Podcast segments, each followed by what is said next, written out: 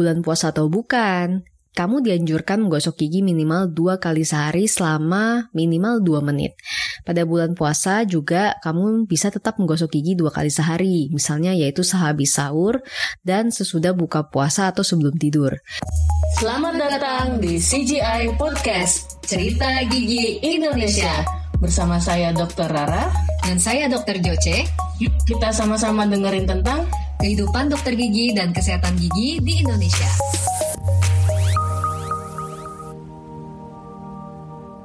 Halo, selamat datang di Cerita Gigi Indonesia bersama saya Dr. Joce.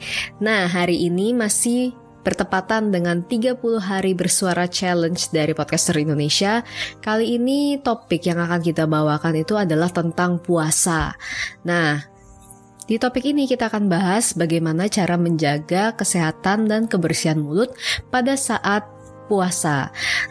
Walaupun bulan ini bukan bulan puasa ya teman-teman, tapi nggak apa-apa. Kita tetap akan sharingin gimana sih cara kita menjaga kebersihan mulut kita selama kita menjalani ibadah puasa. Mungkin ada yang sudah tahu, mungkin ada juga nih yang belum tahu. Nah makanya di sini adalah kesempatan uh, yang baik untuk kita sharingin tentang gimana sih cara kita itu mempersiapkan diri untuk menjalani ibadah puasa dengan lancar. Yang pertama, yang paling penting dilakukan adalah kurang lebih satu atau dua minggu sebelum bulan puasa tiba, sebaiknya periksakan gigi Anda ke dokter gigi. Selain mendapatkan pengecekan dan pembersihan gigi secara keseluruhan, ini juga waktu yang tepat untuk mendapatkan tindakan-tindakan medis jika diperlukan, misalnya menambal gigi yang berlubang, atau mencabut gigi, atau melakukan perawatan uh, endodontik atau perawatan saluran akar jika diperlukan. Manfaatkan juga sesi ini itu untuk bertanya tentang perawatan yang tepat bagi kondisi gigi dan mulut kamu, seperti jenis sikat yang tepat, penggunaan pasta gigi, benang gigi, ataupun uh, mouthwash. Berikutnya pada saat kita menjalani bulan puasa, ada beberapa perawatan gigi dan mulut yang bisa dilakukan mungkin ada beberapa perbedaan pendapat gitu ya mengenai hukum gosok gigi nih pada saat puasa. Beberapa ulama ada yang menyatakan bahwa gosok gigi saat puasa itu dibolehkan, namun ada juga yang menyatakan sebaliknya.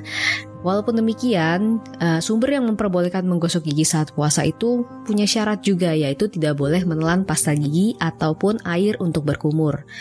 Nah, gimana sih cara menjaga kesehatan dan kebersihan gigi dan mulut pada saat puasa? Yang pertama tentunya tetap menggosok gigi dengan rutin. Bulan puasa atau bukan, kamu dianjurkan menggosok gigi minimal dua kali sehari selama minimal 2 menit. Pada bulan puasa juga kamu bisa tetap menggosok gigi dua kali sehari, misalnya yaitu sehabis sahur dan sesudah buka puasa atau sebelum tidur. Gunakan pasta gigi dengan fluoride untuk melindungi gigi dari kerusakan. Nah, yang kedua, itu kita bisa bersihkan rongga mulut dengan seksama. Jadi selain menyikat gigi, kita harus tertib membersihkan rongga mulut dengan cara menyikat lidah atau menggunakan benang lidah jika perlu, juga bisa menggunakan obat kumur. Tapi saya sarankan menggunakan obat kumur yang e, tidak mengandung alkohol ya. Jadi itu banyak juga, jadi kita harus e, teliti juga ya pada saat kita menggunakan obat kumur coba kita cari yang tidak menggunakan alkohol, tidak ada kandungannya karena itu bisa menyebabkan iritasi pada jaringan di sekitar mulut. Selain itu, menyikat lidah dan menggunakan benang gigi juga bisa membantu menghilangkan sisa-sisa makanan, pengundang bakteri, supaya mulut jadi tidak berbau ketika puasa. Pada bulan puasa, kita juga harus menjalankan pola makan yang seimbang, supaya kita bisa menghindari masalah pencernaan dan masalah gigi dan mulut tentunya.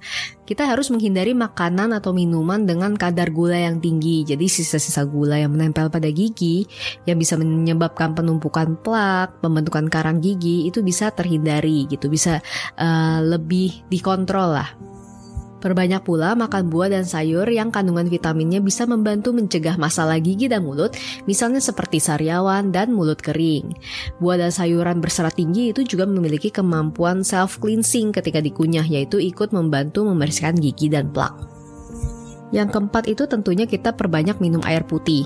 Air putih yang kita minum berfungsi untuk merangsang produksi air liur yang menetralisir keasaman mulut kita.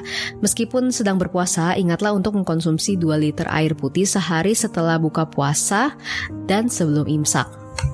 Selanjutnya juga selain makanan dengan kadar gula tinggi, hindari pula makanan penyebab bau mulut misalnya seperti jengkol, petai, atau durian. Makanan yang mengandung terlalu banyak bawang juga bisa menyebabkan aroma mulut yang tidak sedap. Nah, setelah tadi kita tahu nih perawatan-perawatan gigi di rumah apa aja sih yang diperbolehkan. Nah, mungkin ada yang bertanya-tanya apa aja sih perawatan gigi yang diperbolehkan ketika berpuasa. Berdasarkan informasi yang saya baca, sebuah fatwa MUI menyatakan bahwa perawatan-perawatan gigi berikut diperbolehkan dan tidak akan membatalkan puasa apabila dilakukan dengan berhati-hati dan tidak berlebihan. Contohnya apa saja nih? Misalnya ekstraksi gigi atau cabut gigi, pembersihan karang gigi atau scaling, penambalan gigi, mencetak gigi, pemasangan aksesoris gigi seperti veneer, kawat gigi, atau prosedur bleaching, asalkan tujuannya bukan untuk perawatan kecantikan tanpa indikasi medis. Teman-teman juga bisa cari informasi yang lebih lengkap tentunya di internet ataupun di peraturan-peraturan yang sudah ada tentang bagaimana sih cara kita menjaga kebersihan gigi dan aturan-aturannya untuk perawatan gigi pada saat uh, bulan puasa. Intinya, selama bulan puasa pun jangan sampai kesehatan gigi dan kebersihan mulut kita itu terlantar. Karena kalau enggak nanti malah bisa menyebabkan kejadian kejadian-kejadian atau hal-hal yang tidak kita inginkan selama bulan puasa. Nanti malah bulan puasa kita itu terganggu sama masalah masalah-masalah gigi, masalah-masalah kesehatan mulut. Nah, kita kan nggak mau ya nanti bulan puasa kita terganggu sama hal-hal seperti itu. Jadinya jangan lupa ya teman-teman untuk tetap menjaga kebersihan dan kesehatan gigi kita. Oke, terima kasih teman-teman yang sudah mendengarkan episode ini di Cerita Gigi Indonesia. Pastikan teman-teman juga dengerin episode-episode sebelumnya yang juga seru-seru pastinya. Dan juga tungguin episode-episode selanjutnya yang pasti nggak kalah seru nih. Jangan lupa untuk follow Cerita Gigi Indonesia di Spotify dan juga di Instagram at ceritagigi.id. Nah teman-teman di situ juga boleh DM kita nih kalau misalnya kalian pengen ada yang ditanyain atau ada yang pengen kita bahas nih di podcast-podcast berikutnya. Sampai jumpa teman-teman. Cerita Gigi Indonesia, tempat curhat dan edukasi dari dokter gigi Indonesia kepada teman sejawat dan masyarakat umum. Kalau kamu suka podcast kami, subscribe atau follow dan share podcast ini ke teman-teman kamu.